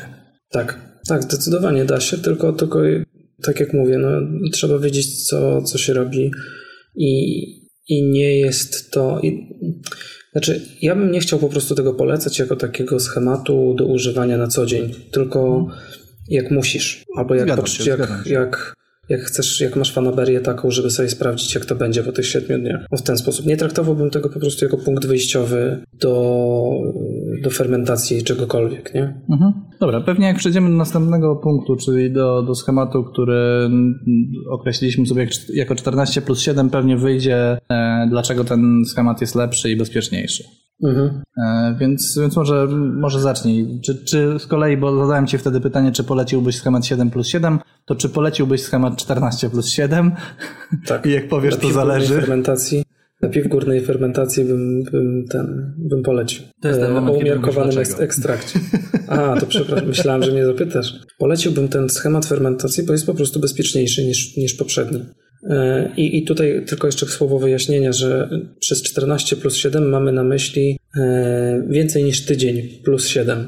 E, Po prostu, żeby ta burzliwa fermentacja trwała powiedzmy około 10 dni plus minus dwa, czy tam więcej niż 10. Znaczy, Okej, no, wiesz co, znaczy ja myślałem o tym schemacie, mm, pisząc 14 plus 7, miałem na myśli dokładnie 14 dni, też biorąc pod uwagę to, że właśnie ważymy od weekendu do weekendu, że w weekend zajmujemy się, się piwem i, i dlatego przyjąłem 14 dni i Okej. chciałem tutaj właściwie, chodziło mi o to też, żeby pokazać, że to jest dobry schemat dla początkującego piwowara, który nie wie właśnie. Weźmie kartkę, ma napisane 14 dni, przytrzymuj w temperaturze od 18 do 20 stopni. I on sobie postawi to w miejscu, w którym będzie miał 18 czy tam 16 stopni, gdzie ono sobie postoi przez 14 dni, on później nie patrząc na to, jak to wygląda i tak dalej, i tak dalej, przeleje to na cicho, potrzyma 7 dni i walnie to w butelki z powrotem. Moim zdaniem to jest czyli właśnie... full-proof po prostu.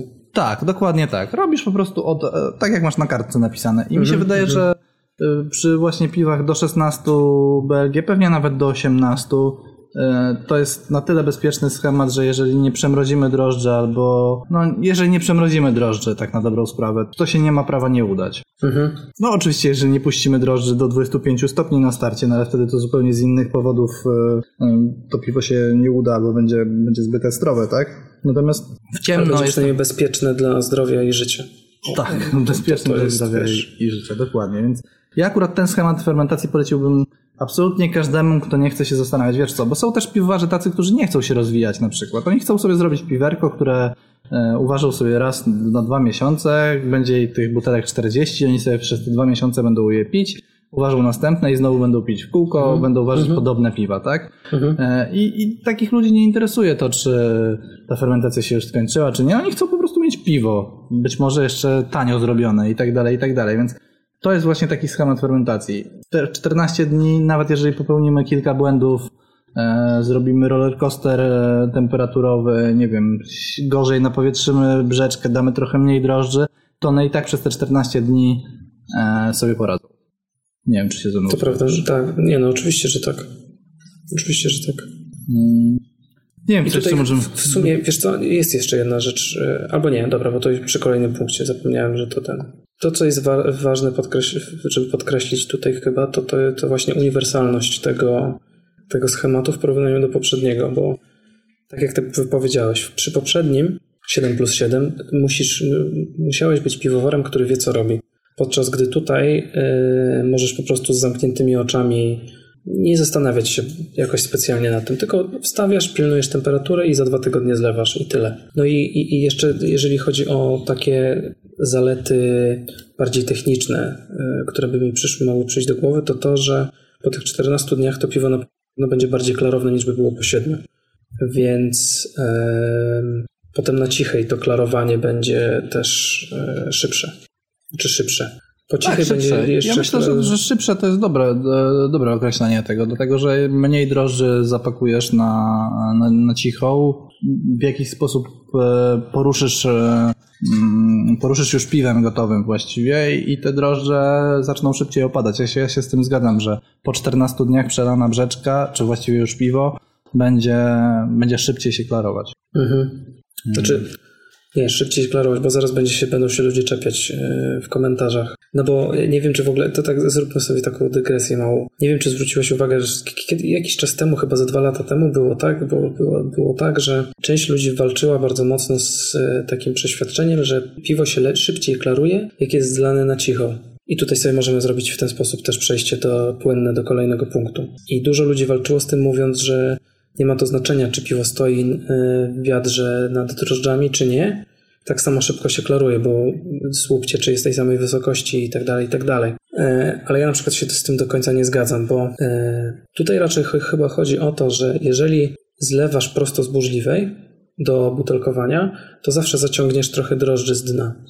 E, Podczas gdy zlewając z wiadra tego już tego drugiego z cichej, na pewno pobierzesz tą rurką mniej tego osadu, e, które tam wypadnie w trakcie, e, w trakcie cichej. I to my mamy na myśli mówiąc szybsze klarowanie, że e, piwo idące do butelkowania będzie klarowniejsze niż by było e, przy schemacie 7 plus 7. Tak, e, wiesz co, bo jak zacząłeś o tym mówić, to nie wiedziałem, jaka, jak- jaką chcesz postawić tezę i bałem się, Mhm. że powiesz, że, że to nie ma znaczenia właśnie i wtedy chciałem z tobą polemizować. Nie, nie, nie, no ale właśnie- fajnie, że, fajnie, że żeśmy się tutaj jednak się, się zgadzamy. Zdecydowanie.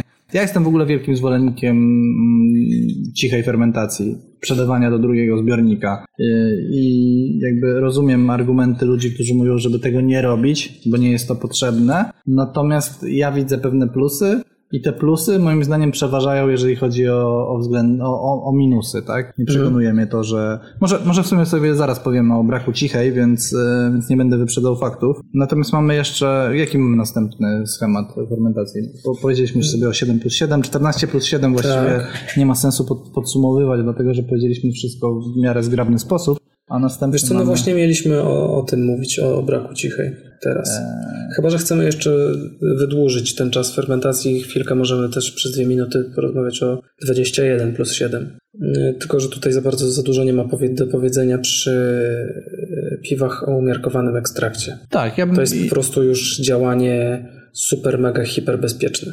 Tak, to raz. Można też powiedzieć, że jest to schemat, e, tak, tak jak powiedziałeś, super hiperbezpieczny i właściwie nie grozi, nie ma minusów e, takich, że nie wiem, że, że, że piwo się, nie wiem, utleni albo zepsuje przez te dodatkowych 7 dni w fermentorze. Myślę, że nie ma takich, bo ludzie, początkujący piwowarze też się boją, na przykład czasami się pojawiają takie pytania, że o, zostawiłem piwo na tydzień dłużej, czy to, czy to jest okej. Więc, więc możemy tutaj powiedzieć, że to jest jak najbardziej ok i że ja, ja nie widzę minusów. Jeżeli o ile to nie będą, będzie czas idący w miesiące, to nie widzę tutaj minusów, które mogły. Nie, nie, widzę czegoś, co mogłoby się zadziać e, negatywnego. Mhm. Mhm. Natomiast ja, ja schemat 21 plus 7 zdarza mi się, chociaż ostatnio rzadko, ale to, to głównie dlatego, że nie mam czasu się zajmować e, piwem w domu. Natomiast e, kiedyś stosowałem dla risów. Zdarzało mi się yy, fermentować 21 plus 7. Jeżeli po 21 dniach zlewałem risa na cicho i on był w miarę klarowny, to po 7 kolejnych dniach często był gotowy do, do zabutelkowania. Okej. Co, nie, no, Tak Znaczy- ciche okej, czyli nie do końca się z tym zgadzam. znaczy nie, no słuchaj, to były twoje piwa, więc yy, ty decydujesz, yy, ale znaczy pozbierałem myśli po prostu i ja bym, bo ja przy takich mocnych piwach zwykle jednak 30 plus 30 yy, stosowałem yy, schemat.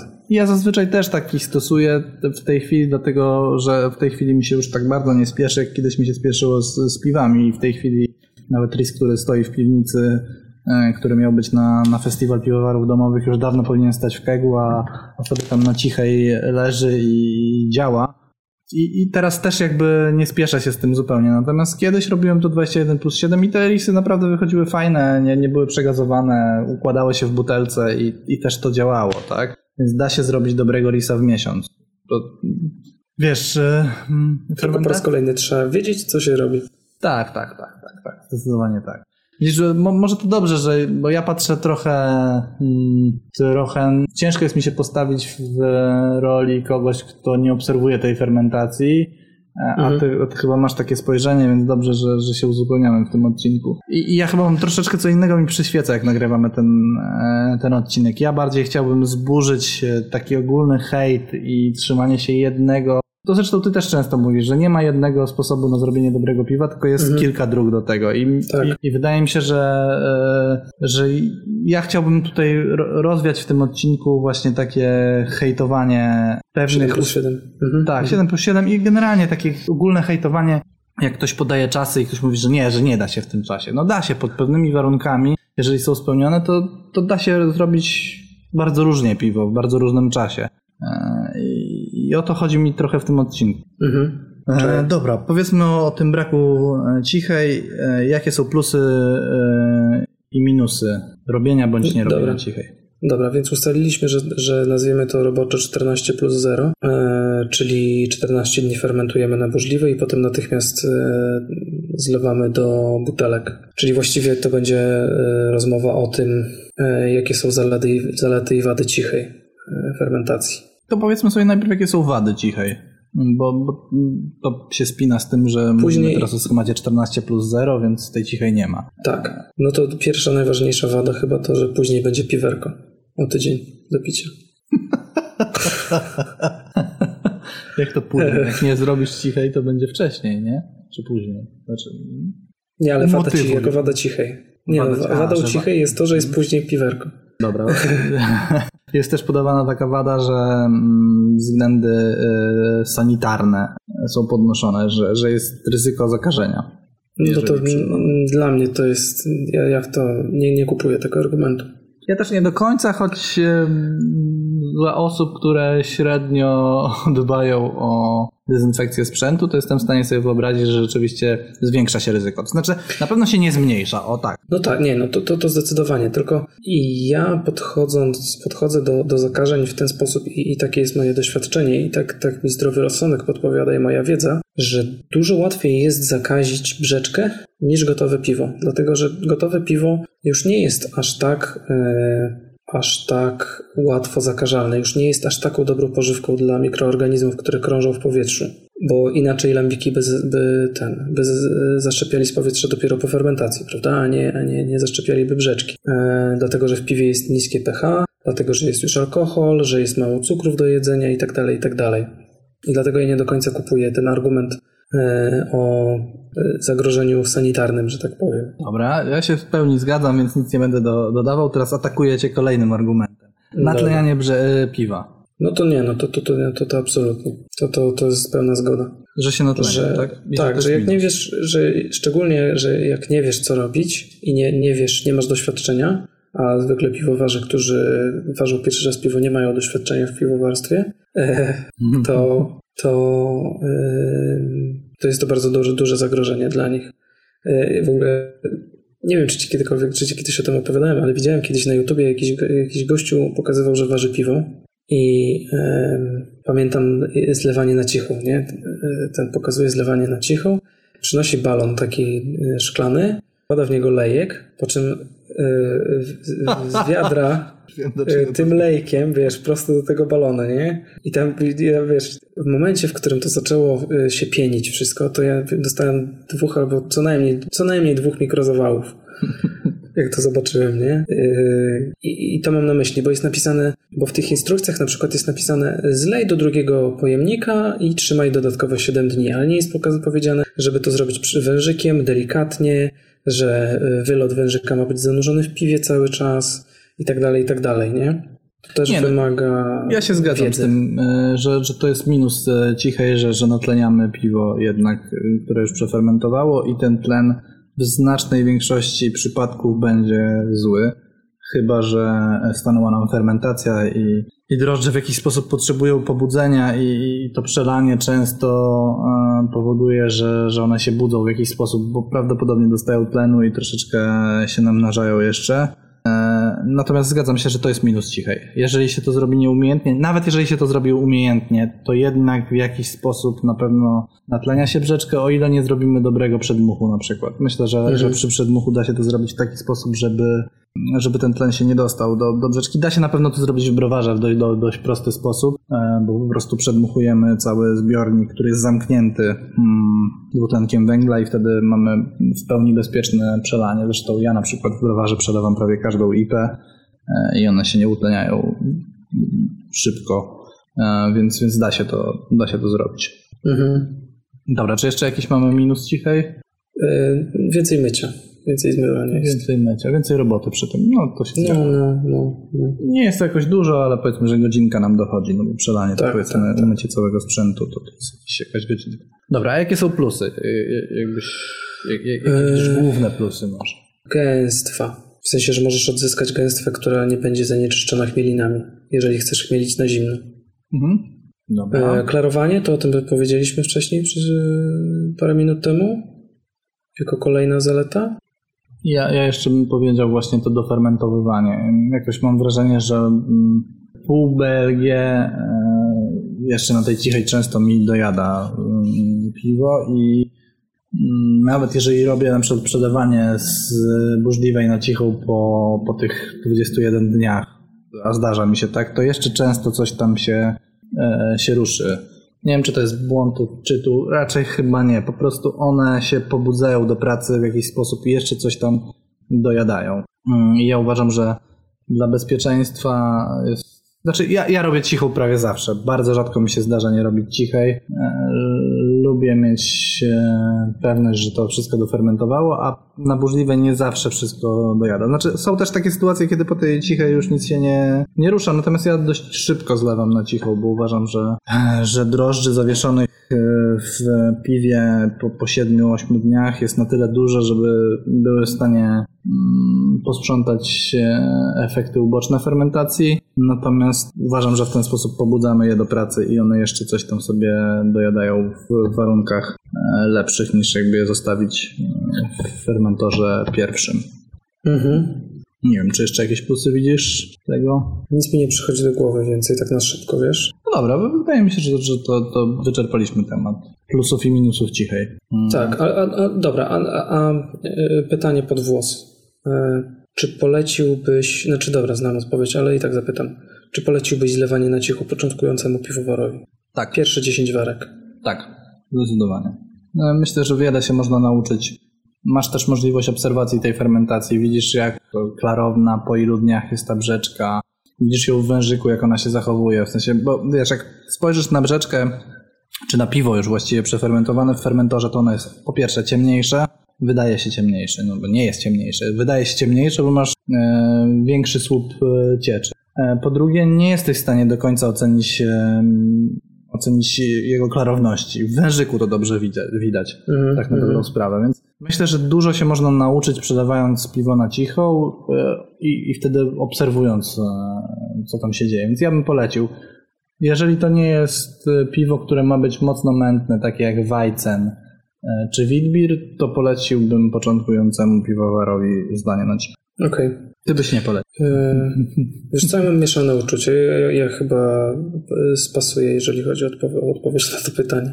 Wydaje mi się, że... Znaczy, albo inaczej. Dobra. E, Żeby nie było tak, że ja jestem e, bezpłciowy zupełnie. Pod kątem opinii oczywiście. Bardzo fajnie, że powiedziałaś o tym, że się, może, że się człowiek może bardzo dużo nauczyć, bo e, to też jest warto o tym powiedzieć, że jak jesteś początkującym piwowarem, to dużo większą uwagę bym przykładał nie do tego, jak to piwo wyjdzie, tylko ile się możesz nauczyć.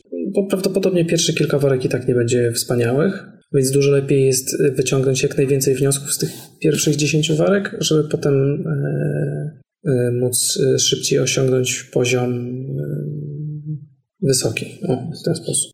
Tak, ja się z tym zgadzam. Wydaje mi się, że to jest. Że w ogóle wydaje mi się, że mm, można się kilku rzeczy nauczyć. Można się nauczyć zbierać gęstwa. Nawet jeżeli jej nie będziesz używał, to możesz sobie wziąć łychę, mm, przeorać tą gęstwę i zobaczyć, jakie ona ma warstwy, Mm, jaką ma konsystencję po, po danych, po, po tych 7 czy, czy 10 czy 14 dniach. E, Jesteś w stanie zobaczyć, jak ona się później w słoiku zachowuje, m, jak się zachowuje po wsadzeniu do lodówki, czy się rzeczywiście rozwarstwia i tak dalej, i tak dalej. Myślę, że mm, myślę, że przelewanie na cicho bardzo dużo e, świeżego piwowara może nauczyć, a i później będzie mógł sam podjąć decyzję, czy ma to sens, czy nie ma sensu. Tak mi się wydaje. Mhm, mhm. Zgadzam się. Zgadzam się z tym. Dobra, to lećmy do jakiegoś następnego schematu. E, Wiesz co, e, chciałbym pokrótce, bo mamy w, kolejne brety e, Mhm. w, w tym w liście, ale jeszcze o lagerach nie powiedzieliśmy. Dobra. E, To chciałbym krótko, żebyśmy powiedzieli o lagerach. Ja- ja- Jak ty to widzisz? Wiesz co, ja zazwyczaj lagery fermentowałem. Nie mówię tutaj o porterze bałtyckim, ale raczej o, o jakichś pilsach marcowych, y, lagerach wiedeńskich, czy, czy nawet jakichś wędzonych y, lagerkach 14-15 Belgii więcej chyba nie robiłem. Takich zwykłych, regularnych tych.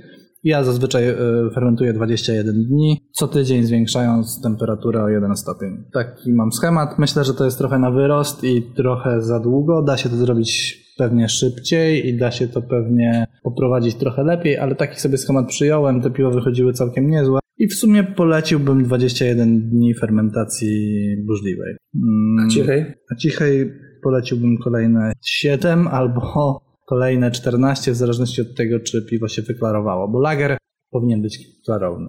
Tak. Więc do wyklarowania, czy, czy jestem w stanie to ubrać w schemat? Myślę, że 7 dni dodatkowej cichej wystarczy, żeby piwo było już wyklarowane. Najczęściej po tych 21 ono już jest klarowne, natomiast e, myślę, że 7 dni wystarczy, czyli 21 plus 7 bym przyjął jako, jako dobry schemat dla lagera. Mhm. Tak, no ja się z tym zgadzam. Może bym trochę dłużej, dłuż, wydłużył cichą, no ale to już to też są niuanse, nie? Tak, E, cz- czasami ona będzie potrzebna dłuższa, to tak jak powiedziałem, do wyklarowania się, o tak. Mhm, mhm. E, Dobra, to, to lecimy dalej do tego, co ja lubię najbardziej oczywiście. E, Pastry grodzisk. Pastry grodziskie, tak. E, em, czyli do bretów. E, I tutaj na oczywiście dwie możliwości. Nie? To zacznijmy od tego najbardziej popularnego ten, e, sposobu, czyli 100% bret. Mhm. No to strzelaj. Mój schemat to jest 30 plus 30. 30 plus 30, okej. Tak, ja tak zawsze brety fermentuję 100% bret. Z czego ja zazwyczaj jeszcze brety e, chmielę na zimno e, Mhm. i chmielę je na ostatnie dni. Czyli daj- dajmy na to po 20 dniach cichej, wrzucam chmiel, trzymam to 3-4 dni, chłodzę i po tych kolejnych 3-4 rozlewam do butelek. No Dobra, ale to, a dlaczego taka długa cicha? Nie wiem, czy ona jest zasadna. Tak zacząłem robić, e, piwo wychodziły dobre i takie trzymam.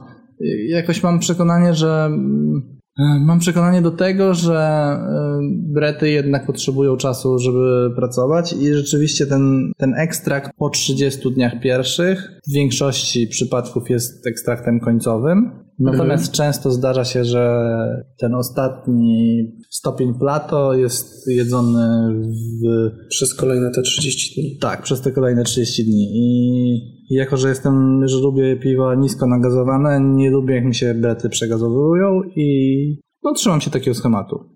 No to ja bym powiedział chyba, że w moim przypadku to zawsze było y, 30 plus 0.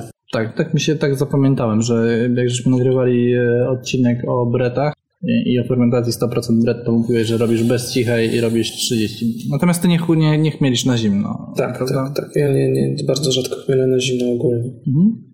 Tylko, znaczy, tu jest ważne, bo to, że my tam sobie dyskutujemy o cichej, to, to, to, to ma drugorzędne znaczenie. Ważniejsze jest to, żeby podkreślić po raz kolejny e, to, co mówiliśmy w odcinku o cichej, o, nie o cichej, tylko o bretach, że brety po prostu wymagają czasu. I one po prostu dłużej pracują troszeczkę i dlatego w normalnych, czy normalnych, w, w piwach o ekstrakcie niskim lub umiarkowanym e, zaleca się jednak 30-dniową fermentację. Tak, ja I- bezwzględnie, 30 dni bezwzględnie. W sensie to nawet bym do nie zaglądał wcześniej. Mm. Zgadzam się. Znaczy zastanawiam się, czy w 14 dni one by to dały radę. Nie. I pewnie na upartego myślisz, że nie? Nie, nie. Y, Wiesz co, zdarzało mi się wsadzać mordę do wsadzać mordę do piw y, 100% bret po 14 dniach i to często jest się koń, po 14 dniach jest na poziomie 4-5 plato. Okej. E, A kończą zwykle na 1, 1,5, czasami mniej, to w zależności od szczepu, nie? Więc e, brety na pewno potrzebują 30 dni. No. E, Wiesz co, być może dlatego właśnie, że ja wsadzałem mordę wcześniej i wiem, że po, po dwóch tygodniach to jest właśnie poziom 4-5 plato. Być może dlatego tak mocno wydłużam Ten proces, bo być może e, rzeczywiście jest tak, że po 30 dniach już jest, e, jest pozamiatane, ale nie wiem, jakoś mam, mam tak e, zaszyte w głowie, że brety potrzebują czasu, że te dwa miesiące zawsze dla mnie, nawet jeżeli to jest 100% bret, to jest, to jest dla mnie potrzebny, potrzebny czas. Mhm. Okej. To też nawet może nie chodzi o samą fermentację. Być może chodzi o ułożenie tego piwa. Bo ja rzeczywiście te brety po tych dwóch miesiącach, jak je zabutelkuję i one po tygodniu są nagazowane, to ja je już piję i uważam, że one są wtedy zdatne do picia, nie? Być może ty dłużej je w jakiś sposób leżakujesz jeszcze, może dajesz im czas na dojrzanie, dojrzenie w butelce. Ja ten proces dojrzewania przeprowadzam... Nie, powiedziałeś nie, tak? Wiesz, no, Czyli cały ten mój wywiad jest bez sensu. No nie wiem, jakoś zawsze zlewając do butelek, jakby jak zlewam na cicho po tych 30 dniach, to nie jestem, prawie nigdy nie jestem zadowolony z tego piwa. Okej, okej. Dopiero w momencie, kiedy je zlewam do butelek po kolejnym miesiącu, wtedy, wtedy to piwo dla mnie się bardzo mocno zmienia i, i uważam, że to jest produkt gotowy wtedy. Jakoś po tych 30 dniach, być może jakbym je zlał po 30 dniach, dwa tygodnie potrzymał w butelce, to być może to byłby, byłby mimo wszystko ten moment już, Mhm, ale jakoś nie wiem, no, no tak, tak prowadzę. Być może nie mam, Mhm. że nie mam racjonalnych argumentów chyba e, za tym, więc możemy przyjąć, że twój schemat 30 plus 0 jest jak najbardziej słuszny. Znaczy wiesz, akurat przy, w, tym, w przypadku bretów to fajne jest to, że my możemy sobie tutaj e, podyskutować i ogólnie jest tak w tym przypadku, że jak ktoś się już bierze za brety, to już ma doświadczenie na tyle, żeby, że on wie, czy on chce tę fermentację prowadzić tak, czy srak. Ym, Chyba, że się wziął za nie, nieświadome. weź już nie strasz człowiek. No nie no, Znaczy, niektórzy- widziałem kiedyś taki post na jakiejś ważce czy czymś takim, że ktoś nie wiedział, co zamówił i miał brety nie? Aha, aha. E, na pierwszą czy tam drugą warkę. No ale Bardziej chodziło to mi się sporadycznie ale- zdarza. Co, co? Bardziej chodziło mi o zakażenie. Aha, aha, okej. E, Ba- bardzo mi się też, a to teraz będzie trochę dygresja, odejście od tematu, ale bardzo mi się podobają komentarze pod takimi e, postami, jak ktoś rzuca i widać ewidentny biofilm na, na tym, e, na piwie, po, po tam dwóch miesiącach zostawionych piwa i ludzie piszą, że a, wylać zawsze zdążysz, pomimo tego, że g, gość, który to pisze, pisze, że wali octem albo coś tam i bardzo lubię ten taki optymizm ogólny, że a, zabreciło się, to może będzie, może coś z tego będzie. A zazwyczaj jak się zabreciło przypadkiem, to w w 90% przypadków to piwo się nadaje tylko i wyłącznie do wylania. Ale, ale bardzo mnie zawsze bawią te takie optymistyczne porady, że będzie dobrze, że nie wylewaj, będzie, będzie super. Zawsze to darmowy alkohol, nie? E, Dobrze, to w takim razie przejdźmy teraz do fermentacji, której brety dodajemy na cicho. Jak byś tutaj prowadził? W sensie miesiące. 7 dni plus 3 miesiące. Tak, trzy miesiące dałbym przynajmniej. I, i Dobra, ale burzliwą. Burzliwą. Ile burzliwej? 7 dni? Siedem, no 7-8 dni burzliwej, czyli ten moment, kiedy większość cukrów jest przejedzonych, przelewamy i dodajemy, dodajemy bret. Okej. Znaczy, No dawaj, dawaj, no. no dobra, niech będzie 7. Znaczy, bo ja bym to, ja, ja bym w ogóle zadawał brety razem z... e, Nie no, ja, ja zresztą zadałeś konkretne pytanie, więc dostałeś konkretną odpowiedź. Ja generalnie y, nie jestem zwolennikiem dodawania bretów na cichą. E, Raczej też bym dodawał brety. W ogóle przy, przy ostatnich lambikach e, zastosowałem się do porad e, Cześka, żeby, żeby on określił to blendy, które sprzedaje Wyest i White Labs są przygotowane do fermentacji od samego początku. I zrobiłem tych lambików chyba sześć e, w ten sposób i uważam, że to jest dobra droga. Więc też nie jestem zwolennikiem dodawania e, bretów na cicho. Lubię dać je razem z e, Saccharomyces. Ale dodawałeś po prostu tylko to, czy dodawałeś Saccharomyces i dolewałeś też te blendy? Nie, nie. Robiłem starter z blendu, Mhm. e, niemieszany i dodawałem je do brzeczki świeżo aha. Okej. I one bardzo ładnie startowały, bardzo ładnie się Tak, zakręciły. tam, mają bardzo... tam są jakieś belgijskie drożdże. Tak, tak, tak. Tam są drożdże Saccharomyces też, które po No, prostu no, no, no. zaczynają proces, a dokończają A to potem reszta do karczy. tak. Wszystkie inne organizmy. Okej. Ale to pewnie szerzej sobie opowiemy, jak w końcu zrobimy jakiś e, odcinek o lambikach. Jeszcze chyba takiego nie zrobiliśmy, prawda? Nie przypominam sobie. Kilka razy był na to plan, ale jakoś nie... Wiesz, bo to jest taki temat y, y, szeroki, zaraz będzie tysiąc komentarzy, a Lambici to tylko w Belgii. Tak, tak. tak Y, y, pozdrawiamy Bombla. Y, Bombel. tak. Zastanawiam się, czy... No, no. Dojechaliśmy do 50 minuty nagrania. Tak, właśnie zastanawiam się, czy jeszcze coś mamy do powiedzenia, czy kończymy. Wydaje mi się, że nie, że to wszystko już. Mówiłeś, że chcesz powiedzieć o kwejkach, ale mm, mam propozycję, Ale to sobie żeby- zostawimy na odcinek o Quake. Tak, To jest na tyle obszerny. em, obszerny i na tyle odrębny temat, że warto go sobie zostawić e, na deser. Albo na później po prostu. Dobrze. E, słuchajcie, dziękujemy Wam bardzo za to, że nas, że nas słuchacie. Dzięki za wysłuchanie tego odcinka. Jeżeli jedziecie teraz pociągiem e, albo samochodem, to miłej podróży.